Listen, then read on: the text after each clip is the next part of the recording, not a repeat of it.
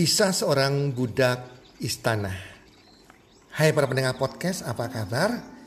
Di mana pun Anda berada saat ini, saya berharap dan mendoakan semoga teman-teman semuanya selalu sehat walafiat bersama keluarga dan selalu berbahagia bersama keluarga. Dan pasti-pastinya rezeki Anda akan makin bertambah, keberuntungan dan kesuksesan selalu mengikuti Anda sekeluarga. Para pendengar podcast, kali ini saya akan menceritakan tentang kisah seorang budak istana. Di zaman dulu ada seorang budak yang bekerja di istana raja dan budak ini begitu menarik perhatian baginda raja. Meskipun diperlakukan seperti budak-budak lainnya, sang budak ini selalu bekerja dengan penuh tanggung jawab dan bekerjanya selalu rajin dan tuntas. Semua hasil pekerjaannya sangat memuaskan. Ia pun melakukan pekerjaan dengan senang hati dan tidak banyak mengeluh seperti budak-budak lainnya. Suatu hari, Baginda Raja memanggil sang budak dan berkata kepadanya, "Hai budak yang baik, tanpa kau sadari, beberapa tahun ini aku selalu mengawasimu. Aku lihat pekerjaanmu begitu memuaskan. Maka mulai sekarang, mulai hari ini, kau akan kuangkat menjadi pegawai di istana. Dan mulai hari ini, kau akan mengenakan semua perlengkapan dan baju yang bagus sebagai seorang pegawai istana. Betapa senangnya sang budak karena ia tidak pernah menyangka sama sekali bahwa ia akan diperlakukan begitu baik oleh baginda raja. Padahal ia sendiri tidak pernah memimpikannya menjadi seorang pegawai istana. Yang waktu itu merupakan suatu status yang sosial yang cukup tinggi yang diidam-idamkan oleh banyak orang. Tentu saja ia sangat bersyukur kepada Tuhan karena hal tersebut. Namun pengangkatan sang budak menimbulkan rasa iri di antara para budak lainnya maupun pegawai istana raja lainnya. Termasuk di antaranya ada seorang pegawai istana yang terus-menerus merasa jengkel dan iri hati karena nasib baik yang dialami oleh sang budak tersebut. Si pegawai pun yang si pegawai iri hati ini pun mulai mencari-cari kelemahan sang budak. Setiap hari selalu ada, setiap ada kesempatan selalu ada. Jika selalu ada kesempatan diam-diam ia mengikuti ke mana pun sang budak ini pergi. Dia mengawasi segala tindak tanduk sang budak yang sudah menjadi pegawai istana ini. Belakangan sang budak yang menjadi pegawai istana ini kerap pergi ke gudang. Ke gudang barang sambil membawa sebuah kantong. Ia masuk sebentar ke gudang, lalu keluar lagi dengan kantongnya itu.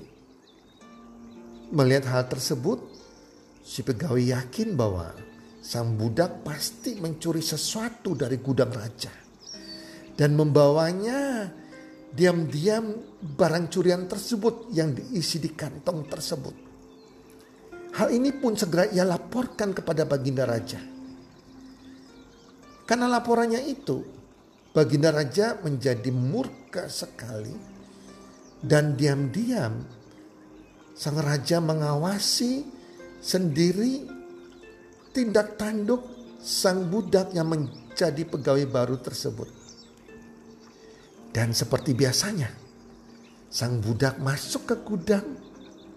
Raja pun mengikutinya.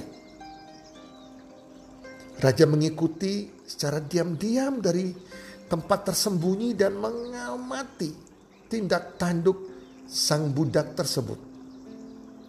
Namun, apa yang disaksikan raja di gudang itu tidaklah seperti yang ia duga.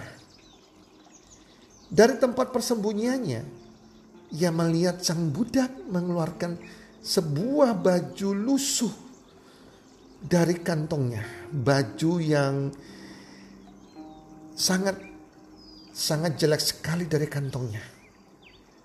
Lalu sang budak segera mengganti bajunya yang masih bagus dengan bajunya yang sudah lusuh tersebut. Baju yang sudah tua, yang sudah kotor dan jelek tersebut. Di depan cermin tua di gudang sang raja tersebut, budak itu melihat dirinya di cermin sambil berkata, "Lihat, itulah dirimu dulu. Jangan lupa, dulu kau adalah budak Jangan lupa bersyukur kepada Tuhan senantiasa dan tetaplah rendah hati. Itu yang diucapkan sang budak tersebut di kaca di gudang tua tersebut. Baginda raja yang tetap berada di tempat persembunyiannya hanya memandang di keremangan gudang dengan hati bangga dan gembira. Ia tidak salah telah memberikan jabatan kepada sang budak yang tetap rendah hati tersebut. Semoga kisah ini menginspirasi kita semua untuk tetap rendah hati. Senantiasa kita tetap mengingat asal usul kita kalau kita pernah hidup dalam situasi yang sulit, situasi yang miskin, yang susah dan kekurangan. Mudah-mudahan cerita ini mengingatkan kita untuk selalu bercermin kembali. Jika hari ini kita sudah sukses, kita bercermin kembali agar kita tetap menjaga kerendahan hati kita. Dan agar selalu kita mengingat untuk selalu bersyukur kepada Tuhan Yang Maha Esa. Para pendengar podcast, saya pernah bertemu dengan beberapa orang kaya dari teman orang tua saya. Mereka dulu datang dari dataran ERC China, masuk ke Indonesia. Mereka masuk dalam keadaan miskin hanya berbekal pakaian dan keberanian untuk hidup. Saat itu mereka sudah kaya sekali. Dan saya melihat mereka selalu pagi hari, kadang malam hari, mereka selalu makan bubur.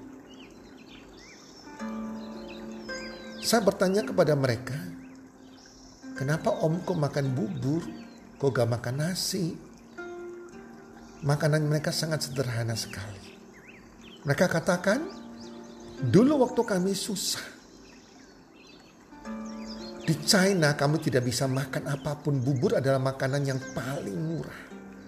Yang di mana kita masak dengan beras yang sedikit, tetapi airnya yang banyak. Sehingga bubur ini tidak model bubur lagi, tetapi semacam kita minum bubur kuah karena berasnya sangat sedikit sekali. Karena sangat sulit sekali kita bisa bisa membeli beras. Dan saat ini setelah kami kaya, kami tetap makan bubur. Agar kami tetap mengingat asal muasal kami. Kami tetap mengingat kami dulu pernah jadi susah, jadi miskin, tidak bisa makan. Agar kami tetap menjaga kesederhanaan agar kami tetap menjaga rendah hati dan tidak sombong. Itulah para pendengar podcast. Jika hari ini atau nantinya Tuhan makin memberkati Anda semuanya, makin sukses, makin sukses, dan makin sukses. Tetap menjaga kerendahan hati kita. Janganlah kita menjadi sombong. Karena Tuhan yang Maha Esa membenci orang yang sombong. tetapi Dia akan menyayangi, mencintai, dan mengangkat orang yang rendah hati. Semoga podcast kali ini bermanfaat dan bisa memberikan inspirasi bagi teman-teman semuanya. Salam sukses, one, two, three.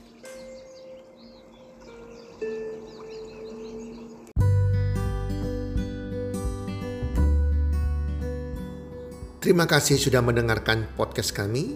Teman, jika Anda rasa bermanfaat podcast kami ini, Anda bisa menginfokan kepada rekan kerja Anda, keluarga Anda, teman ataupun sahabat Anda. Dan jika ada hal-hal yang Anda ingin tanyakan kepada kami ataupun topik-topik apa yang Anda ingin kami bawakan, kami sampaikan, Anda bisa DM kami di Instagram kami health community www.salam123.id. Salam One Two Three, salam sehat, sejahtera dan bahagia.